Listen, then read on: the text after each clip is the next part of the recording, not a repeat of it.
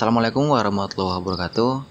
Om Swastiastu Salam sejahtera dan salam berbahagia buat kita semuanya. Dan halo teman-teman semuanya Apa kabar? Semoga kalian baik-baik saja. Dan selamat datang kembali tentunya Bersama gua Adnan Nasrullah Yaitu di Podcast Denan. Dan di episode 30 ini bersama uh, pembukaan dari episode season yang baru yaitu season 2 sorry itu saya lagi gue harus minta maaf kalian sebanyak banyaknya sebanyak mungkin karena gue udah apa ya udah udah lama banget gitu kan dari episode 29 yang udah gue janjikan gue akan membuatkan sebuah episode podcast yang uh, cukup rutin gitu ya. Tapi pada akhirnya waktu membuat gue uh, tidak terasa bahwa sebetulnya gue sangat sibuk gitu intinya gitu. Jadi gue termakan oleh kegiatan-kegiatan gue yang lain sehingga gue tidak sempat membuat uh, podcast gitu. Gue nggak sempat bikin update podcast gitu intinya. Karena yang seperti udah gue bilang kalau misalnya kalian udah nonton eh kalau misalnya kalian udah dengerin episode ke 29 itu kan gue bilang di sana juga. Dan gue juga uh, bilang di episode-episode yang lain juga kalau misalnya kalian pernah dengerin bahwa kegiatan gue selain membuat podcast itu ya kegiatan formalnya ya kuliah sebetulnya gitu. Dan sekarang gue udah menuju ke semester akhir gitu kan. Hampir menuju ke semester, semester akhir gitu kan walaupun gue baru mau KKN gitu kan. Tapi tetap aja gitu kan mau KKN itu kan ya sebuah tugas yang memang bukan tugas singkat dan tugas itu tidak uh, bisa dikerjakan dengan waktu yang singkat juga gitu. Kalau misalkan kalian tahu ya kalau misalkan kalian mahasiswa. Dan karena itu juga salah satu yang membuat gua itu uh, kadang nggak punya waktu buat hanya sekedar membuat podcast gitu walaupun cuma sekedar cerita gitu. Karena memang jujur aja gua uh, selama pandemi ini karena memang uh, eh, gue punya bisnis sampingan juga gitu ya. Gue gua ada kegiatan lain juga gitu. Selain kegiatan formal gue yaitu kuliah gue jadi tidurnya tuh ya minimal banget itu ya jam setengah satu malam tuh gue baru bisa berbaring di kasur gitu. Itu juga baru bisa berbaring belum belum terlelap gitu belum belum belum masuk ke alam mimpi gitu. Jadi ya dengan dengan dengan kesibukan gue yang begitu padat ya jadinya gue lagi-lagi minta maaf kalian karena gue baru bisa update podcast yang baru, episode podcast yang baru dan kali ini mungkin di episode ke-30 dengan pembukaan awal di season yang baru ini yaitu season 2 gue akan memulainya dengan episode yang kembali ke episode-episode ketika gue pernah menceritakan sebuah kisah-kisah yang begitu menegangkan yang begitu uh, ya sebenarnya nggak nggak menegangkan juga sih kadang tapi kalau misalnya kita dengerin sebuah cerita yang mengerikan gitu ya itu kadang kan bikin merinding gitu kan walaupun bukan horor kadang. Gue juga kadang-kadang kalau misalnya dengerin podcast atau dengerin apa ya istilahnya nonton bahkan konten-konten yang memang hanya menceritakan sebuah kisah yang mengerikan kayak pembunuhan atau kasus apa gitu itu kadang sempat merinding juga gitu karena walaupun itu kan bukan horor juga gitu kan. Dan kali ini topik atau pembicaraan kita ini adalah masuk ke ranah topik horor lagi tentunya. Dan topik ini yang akan gue bawakan dari uh, apa ya istilahnya dari cerita yang akan gue bawakan gitu ya. Ini adalah cerita yang sebetulnya uh, gue alami itu belum lama. Jadi gue mengalami kisah ini itu uh, bulan Desember tahun lalu 2020 gitu ya. Dan kalau misalnya kalian bertanya-tanya kok kenapa nggak nggak nggak dibuat cepat? gitu ya. Maksudnya kan gue ngalaminya kan ya istilahnya baru kemarin gitu kan bulan Desember. Tapi kok gue update podcastnya kok ya kok nggak cepet gitu? Maksudnya kenapa nggak di bulan Januari itu langsung update aja gitu biar biar cepet gitu. Memang gue jadinya gue tadinya awalnya pengen kayak gitu. Cuman ya lagi-lagi yang gue bilang tadi di awal gitu kan. Karena memang uh, eh, gue termakan waktu jadi gue nggak sempet gitu. Dan baru sekarang gue sempet membuat uh, podcast ini lagi gitu intinya. Jadi waktu Desember itu intinya kisah atau cerita ini tuh uh, gara-gara atau karena kesalahan gue memakai Google Maps gitu. Sebenarnya bukan gue juga tidak uh, pernah menyalahkan Google Maps ya gue tidak pernah mengalahkan aplikasi-aplikasi yang memang semacam kayak Google Maps gitu kan kayak Waze gitu kan Waze gitu gitu kan. Aplikasi-aplikasi yang memang 11-12 dengan Google Maps gitu kan.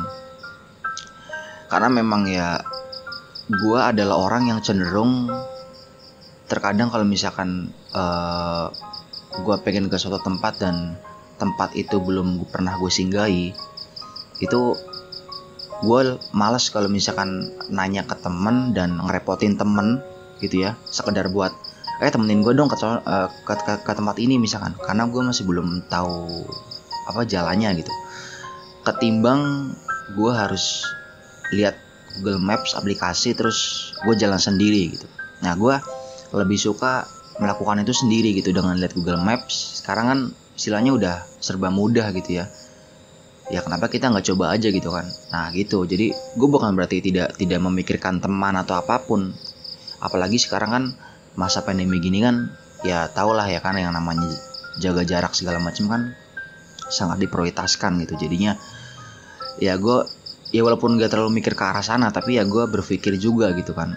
Maksudnya kalau misalkan seandainya uh, ada apa-apa kan kita kan nggak pernah ada yang tahu kan intinya gue nggak mau ngerepotin aja sih. Maksudnya yang yang paling utama alasan gue tuh gue lebih tidak mau merepotkan teman hanya sekedar mau nemenin gue doang ke suatu tempat yang memang belum pernah gue singgahi gitu kan. Ketimbang gue harus buka HP cuman buka Google Maps terus gue pasang headset udah gue jalan gitu kan. Enakan kayak gitu kalau gue karena sekarang lebih simpel gitu kan. Nah tapi gara-gara sebuah hal simpel itu yang membuat apa ya ya boleh dibilang gue sedikit angkuh gitu lah ya istilahnya gue berpikir bahwa setiap gue pakai Google Maps itu pasti berhasil ke tempat itu gitu. Dan ternyata memang gue mengalami beberapa pengalaman-pengalaman yang memang sedikit pahit gitu ya ketika gue uh, menyasar di saat memakai aplikasi peta itu gitu. Dan pengalaman horor gue ini adalah mengacu ke arah sana gitu intinya gitu. Nah gue akan mulai cerita mungkin ya jadi gue ada keperluan gitu kan. Ada sebuah keperluan yang memang gue diharuskan banget untuk gue lakukan gitu. Maksudnya gue tidak bisa meninggalkan sebuah keperluan itu gitu. Yang mana keperluan itu harus uh, eh, gue jalankan itu saat malam hari. Dan tempat keperluan gue itu atau tempat yang akan gue tuju itu adalah tempat yang perlu belum pernah gue singgahi seperti yang gue bilang tadi gitu kan tempat yang belum pernah gue singgahi ini cukup jauh dari rumah gue walaupun masih di daerah Bekasi gitu kan. Ya cukup jauh. Kenapa gue tidak uh, memilih untuk berangkat siang atau besok pagi? Karena ini udah deadline gitu. Dan kesalahan gue adalah di sini.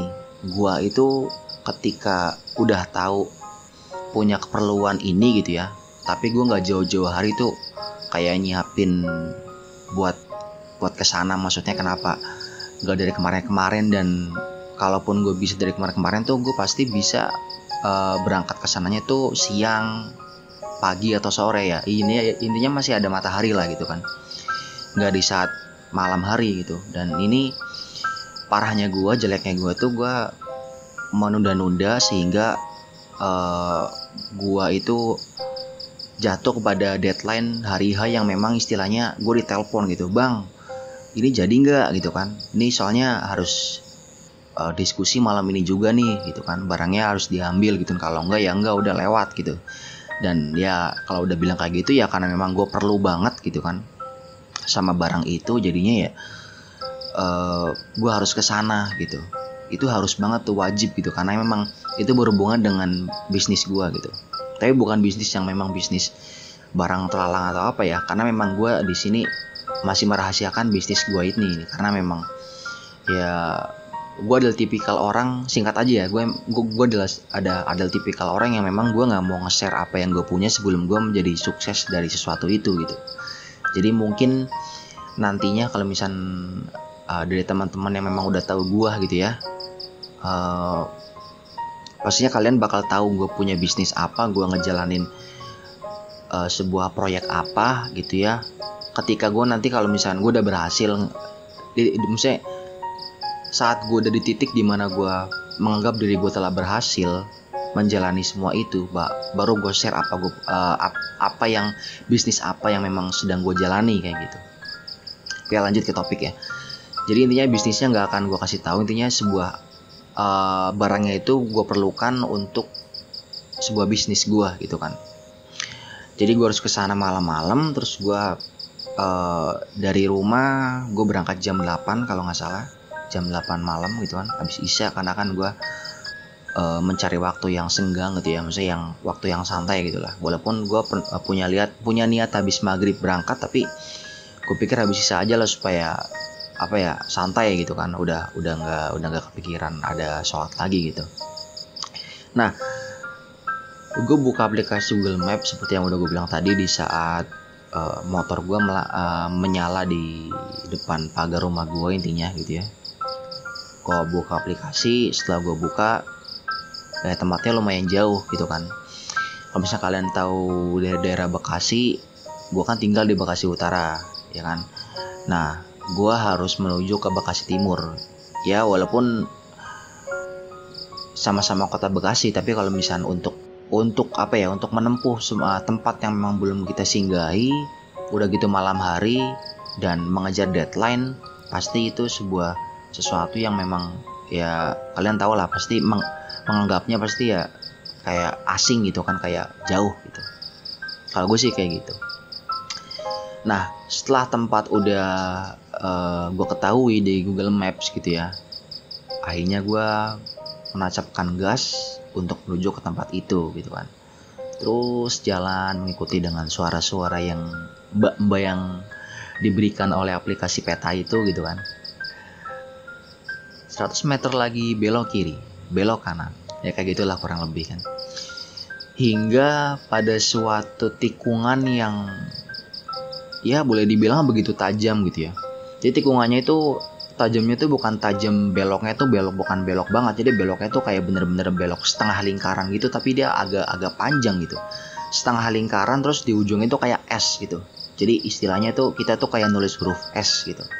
Nah itu sampailah pada sebuah belokan atau tikungan yang seperti itu kurang lebih itu daerah situ tuh sangat sepi gitu. Gue nggak akan sebut daerahnya apa intinya kalau misalnya kalian orang Bekasi dan tahu daerah Bekasi dan ini adalah di Bekasi Timur pasti kalian tahu ini di mana gitu. Tikungan es itu membuat gue tuh kayak merasa bahwa waduh kok ini sepi banget gitu kan. Udah gitu gelap gitu. Ya walaupun ada lampu tapi kesannya tuh kayak kok gelap kanan kiri gitu ya. Dan salahnya gue lagi udah tahu mata gue min tapi gue nggak pakai kacamata waktu itu. Karena memang gue adalah tipikal orang yang memang agak agak malas sih gue pakai ini pakai apa kacamata gitu. Kalau misalkan kecuali kalau misalkan ada keperluan yang penting yang kayak gue harus baca kayak misalkan di kampus atau di mana gitu. Itu baru gue pakai pakai kacamata gitu. Tapi kalau misalnya sekedar cuman berkunjung ke rumah orang apalagi cuma sekedar ngambil barang gitu ya ya gue ngapain gitu. Gue gue mikirnya ngapain bawa kacamata gitu. Tapi itu membuat gue itu menjadi orang yang apa ya istilahnya ya agak agak-agak sedikit takut ketika gue berada di sebuah tikungan itu gitu karena gue tengok kanan kiri kan mata gue kan nggak jelas kan. Yang gue tengok kanan kiri tuh bener-bener gelap tuh walaupun di sekeliling uh, maksudnya di jalan tuh ada lampunya tetap ada lampu jalan tapi ya kanan kiri gelap gitu. Belum habis gue menyusuri tikungan es itu karena gue semakin curiga dan takut gitu ya. Takutnya gue masuk ke dunia lain atau gimana gitu nantinya malah gue berhenti menepi ya kan ke sebelah kiri tentunya nggak mungkin sebelah kanan gitu ya. Walaupun ya kendaraan sangat jarang gitu sangat sepi gitu ya. Gue menepi terus gue melihat di Google Maps itu gue zoom gitu kan. Dan nggak taunya setelah gue zoom itu gue berada di sebuah tempat yang namanya tempat pemakaman umum atau TPU sontak gue kaget gitu kan. Karena memang dari awal gue uh, melihat tempat tujuan gua gitu kan.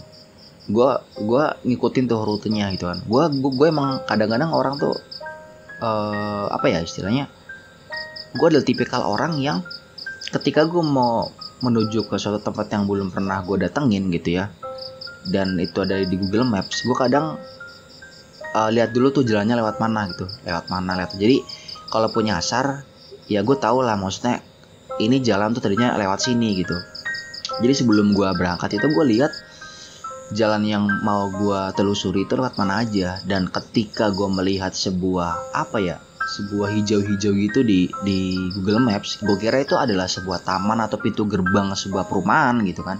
Karena kadang kalau misalnya kita uh, melewati sebuah daerah taman atau sebuah padang rumput itu kan pasti kan di Google Maps kan hijau kan. Maksudnya di diwarnai dengan hijau gitu kan. Kalau air kan pasti biru kan kayak danau sungai apalagi laut itu kan biru kan. Nah hijau itu kan pasti kan kalau nggak pegunungan bukit taman gitu kan. Atau enggak sebuah pintu gerbang perumahan yang memang penuh dengan bunga gitu atau taman. Nah gue kira tuh itu gitu. Nah tapi ketika gue menepi itu gue berada di tempat yang memang gue lihat kira tadinya itu adalah sebuah taman atau pintu gerbang yang indah dengan penuh bunga malah gue dikelilingi oleh nisan-nisan yang gue nggak tahu itu jumlahnya berapa banyak banget. Dan ketika gue menepi menepe itu itu gue berada di sebuah pas banget di depan sebuah pos. Eh pos atau apa ya istilahnya yang memang kalau misalnya kalian ke makam atau ke TPU gitu ya kalau misalnya kalian merhatiin pasti ada di setiap tempat TPU atau makam besar itu pasti ada aja kayak misalkan pos atau sebuah bangunan semacam rumah kecil yang memang gue nggak tahu itu apa isinya gitu. Dan gue itu berada di, di depan itu gitu. Karena memang sebelumnya lampu-lampu jalan itu memang jaraknya emang cukup jauh. Dan ketika gue ingin menepi gue pikir itu rumah orang atau pos atau apalah gitu kan yang memang ada orang gitu. Dan memang ada lampunya juga jadi gue bersinggah di situ gitu kan. Nggak mungkin dong gue bersinggah di, di tengah-tengah apa wilayah gelap gitu kan. Jadi gue ya menepi di pos itu gitu. Di saat gue menepi di depan pos itu ya itu adalah anggapan gue ya itu adalah tempat yang memang ramai tadinya. Tapi gak taunya itu ya semacam ya itulah uh, ya gue nggak tahu ya misalnya itu tempat tempat pos atau apa gitu. Kalau misalnya kalian tahu gue juga nggak tahu sih itu apa gitu. Pasti ada aja. Di pokoknya kalau misalnya kita ada pemakaman besar gitu kan TPU yang besar pasti ada aja gitu. Entah gudang entah apa gue juga nggak tahu gitu. Tapi itu pas banget di pinggir jalan anehnya gitu. Pas banget di pinggir jalan makanya kan gue menepi kan di, di depan itu gitu kan. Nah di situ gue udah mulai merinding gitu kan, gue udah mulai waduh kok bisa? gitu kan, gue juga sekarang merinding. kok bisa gue melewati ini gitu kan? Kenapa orang yang uh, bilang sama gue tuh nggak bilang bahwa ini bakal lewat kuburan gitu kan? Nah dengan acap dengan gesit gue langsung memutar arah ya kan memutar arah dan gue balik ke sebuah pom bensin gitu kan jadi sebelum sebelum ada jalur es itu yang dipenuhi atau dikelilingi oleh batu-batu nisan itu gue berhenti di sebuah pom bensin. Pokoknya ada pom bensin di sana yang memang uh, itu nggak jauh sebelum jalan es itu tuh ada gitu. Jadi ada ada sekolah ada pom bensin. Nah gue berhenti di depan pom bensin itu gitu. Pasti kalian tahu nih kalau misalkan kalian orang Bekasi dan tahu daerah Bekasi Timur ini di mana gitu. Nah gue berhenti di depan pom bensin, terus gue chat kan gue WA si abangnya itu kan, bang, ini jalannya ke mana ya bang? Kok gue malah lewat kuburan? Gue bilang gitu ke dia. Nah gak lama kemudian dia bales, iya bang, emang rumah saya lewatnya lewat kuburan. Terus gue bilang, waduh, kok bisa gitu bang? Itu kan dalam hati gue, waduh ini gimana ya gitu kan seperti yang udah gue bilang tadi gitu kan kalau gue gua kalau gue pulang dan gue nggak ambil barangnya ya istilahnya bisnis gue bakal tertunda dan kalau tertunda gue udah nggak punya waktu lagi gitu kan. Istilahnya ya ini udah benar-benar waktu gue mepet banget buat uh, ngejalanin bisnis gue gitu. Udah gue atur semua uh, waktunya gitu istilahnya. Nah kalau misalnya gue nggak ambil barang itu atau nunggu besok nunggu ada lagi barangnya gue jadinya apa ya istilahnya membuang-buang waktu gitu kan yang harusnya gue udah siap kalau mau gue ambil gue harus melewati kuburan yang tidak kecil gitu kan area kuburan yang tidak kecil area TPU yang tidak kecil. Terus gue di situ berpikir dan gue tanya lagi ke dia gitu. Sampai gue tanya lagi ke dia bang emang nggak ada jalan yang muter bang kama lewat mana gitu? Dia bilangnya nggak ada bang. Emang jalannya itu emang lewat lewat TPU lewat kuburan gitu. Nggak apa-apa kata dia. Waduh terus gue dalam hati gue iya nggak apa-apa lo yang udah biasa gue gitu kan. Jadinya ya udahlah tanpa pikir panjang lagi karena memang gue lebih mementingkan bisnis gue gue akhirnya mencari jalan alternatif yang memang pada akhirnya ujung-ujungnya ya gue melewati kuburan-kuburan itu juga gitu. Tapi sebetulnya ada ada ada dua jalan yang menuju ke rumahnya gitu. Kalau misalnya kalian tadi uh, kalau misalnya kalian merhatikan dan kalian orang Bekasi yang seperti gue bilang tadi pasti kalian akan tahu area ini. Sebelum jalan S sebelum gue menyusuri jalan S itu gitu ya ada jalan sebelah kanan ada jadi jalan S itu tuh jalannya tuh lurus maksudnya beloknya tuh ke kiri ke kiri lurus lagi terus ke kanan terus lurus lagi gitu. Itu kan dia kan kayak S kan. Nah sebelum gue belok kiri itu di di pojok kanan itu ada sebuah jalan kecil yang yang itu tuh gelap banget gitu. Dan sebetulnya itu adalah jalan yang memang ditunjukkan oleh Google Maps untuk rumahnya dia gitu. Itu jalan gelap banget gitu gelapnya luar biasa gitu. Dan gue sempat berpikir bahwa itu tuh seperti apa ya istilahnya kayak dunia lain gitu awalnya gue berpikir itu kayak ini apaan sih gitu? Jalan bisa gelap banget kayak gini gitu. Tapi itu yang ditunjukin di Google Maps. Karena gue sebelum sebelum masuk ke jalan es lagi setelah gue beranjak dari pom bensin gue sempat berhenti lagi gitu kan. Dan gue lihat walaupun gue ada kanan kanan kiri udah di di dipenuhi dengan batu nisan batu nisan itu gitu. Gue lihat gue berhenti gitu kan. Itu jalan kok gelap banget gitu kan.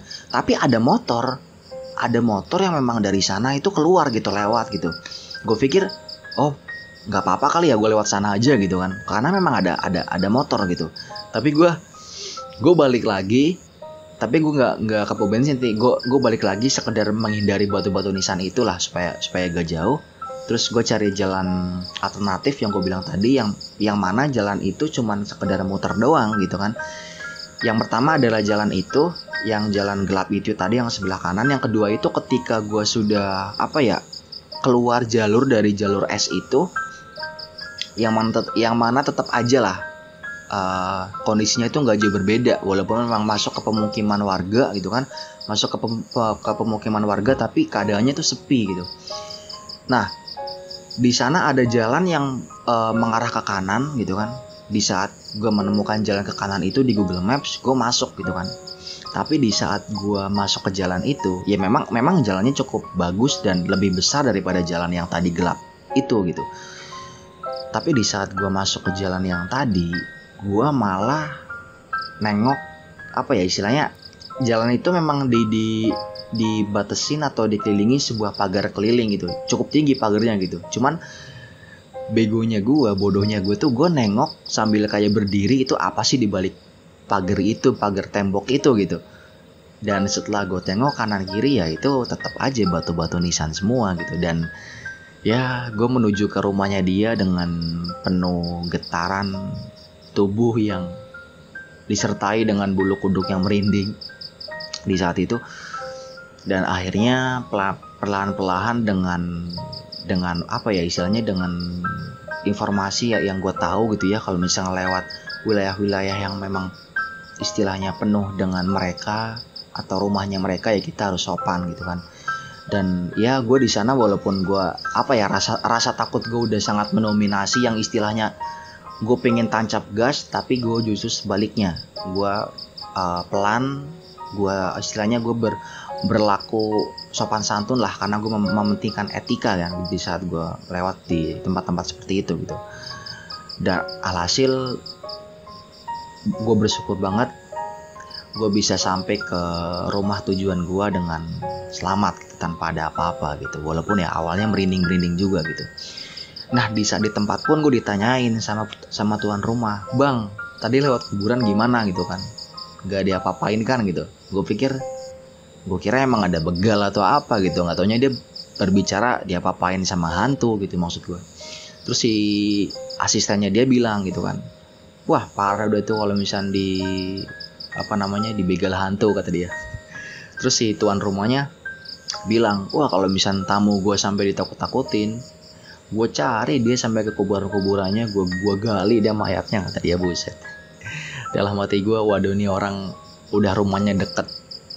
TPU kayak gitu ngomong kayak gitu gitu kan. Apa antar apa antar malam bakal dikeroyok gitu kan.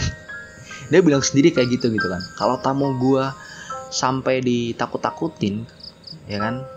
Gue akan gali itu kuburannya gue akan cari gitu kan tuh hantunya sampai ketemu. Kata dia kayak gitu kata gue berani banget ini orang gitu kan. Tapi ya mungkin nggak apa-apa lah karena dia yang ngomong bukan gue yang ngomong kan. Gue juga iya iya aja ketawa-tawa aja gitu kan.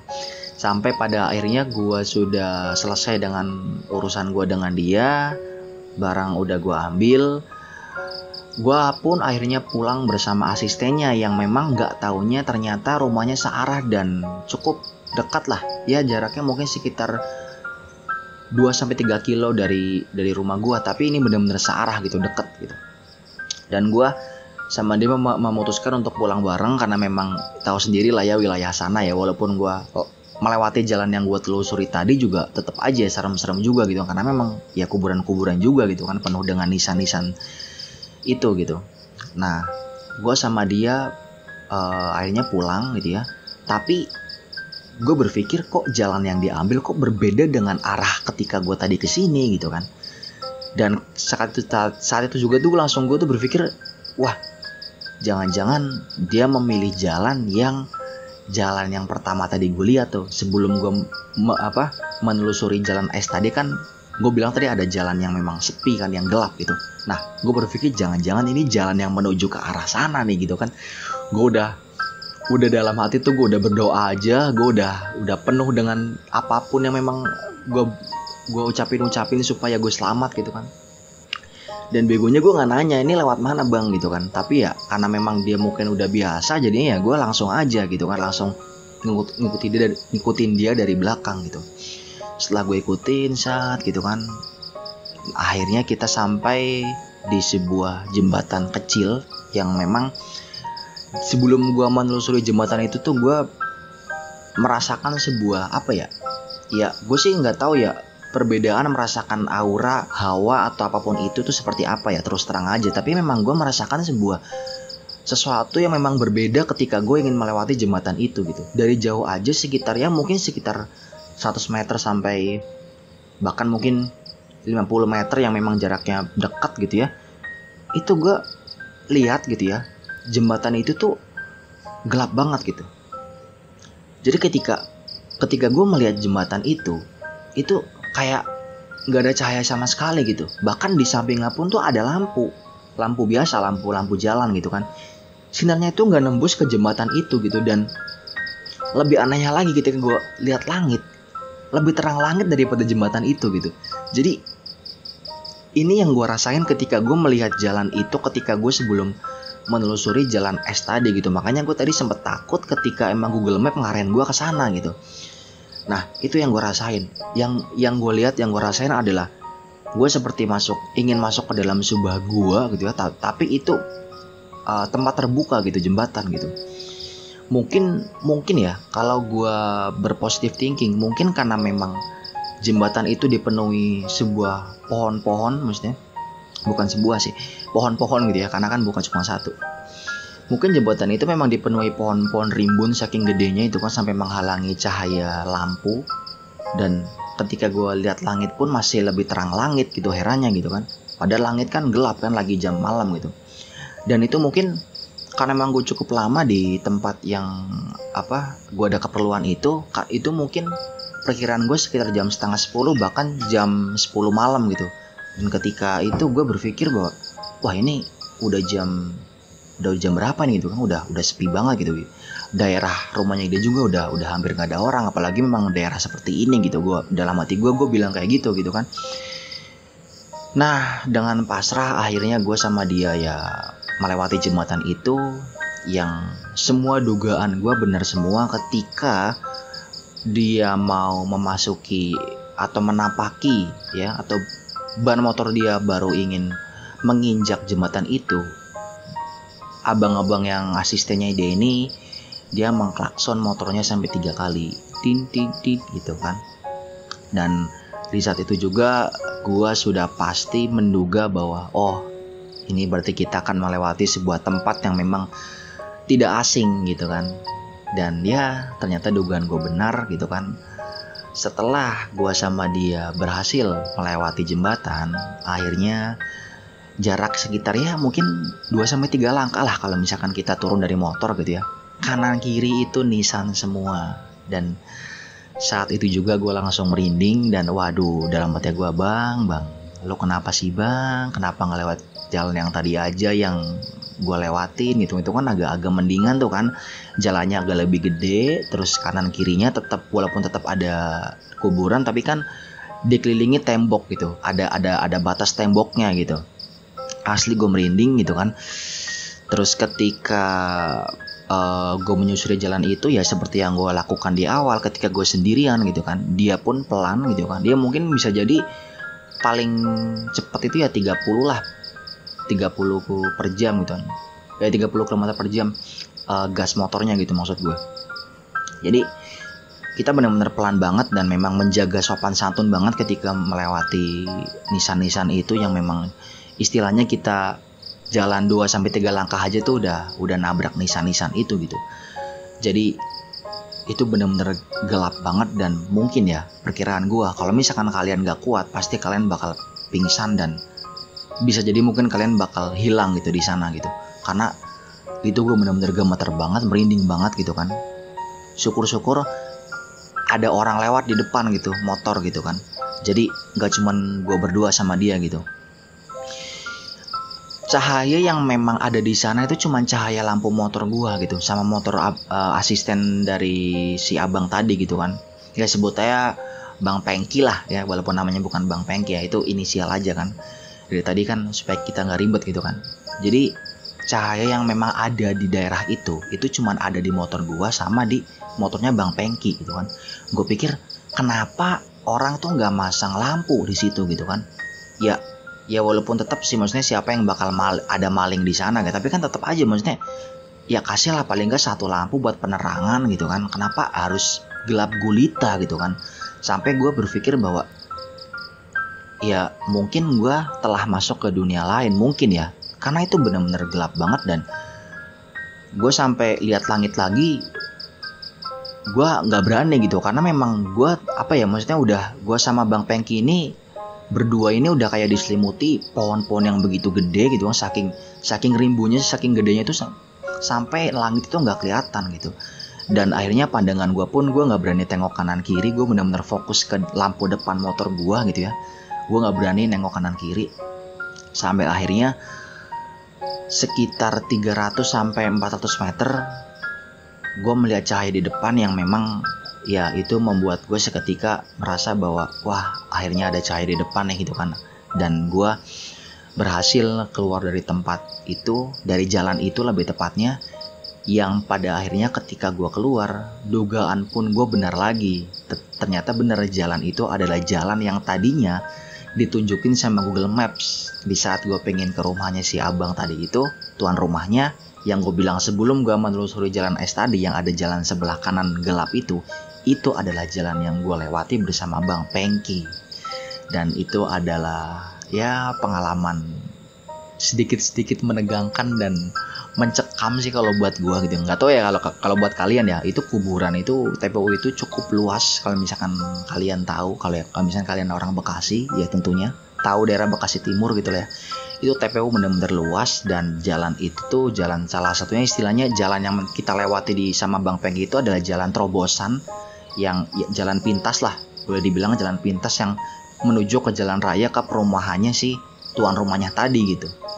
Karena memang kalau misalnya muter emang emang agak jauh sih kita harus me, uh, apa ngelewatin jalan es jalan raya es tadi terus kita masuk ke jalan yang kanan kirinya ada tembok pembatas tadi itu agak agak jauh sih lumayan muter.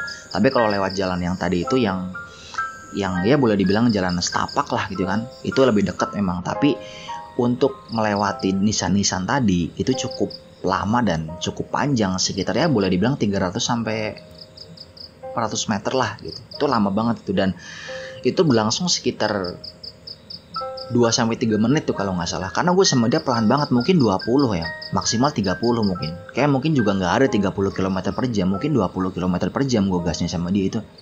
Itu membuat gue tuh kayak kalau kami makanya gue dalam dalam hati gue bilang ini orang yang nggak kuat pasti udah pingsan jatuh ya kan? Atau kemasukan segala macem gitu. Tapi gue menguatkan diri dengan fokus dengan lampu gue motor gue yang di, di, di depan gitu kan. Walaupun gue lihat lampu motor belakang bang pengki gitu kan.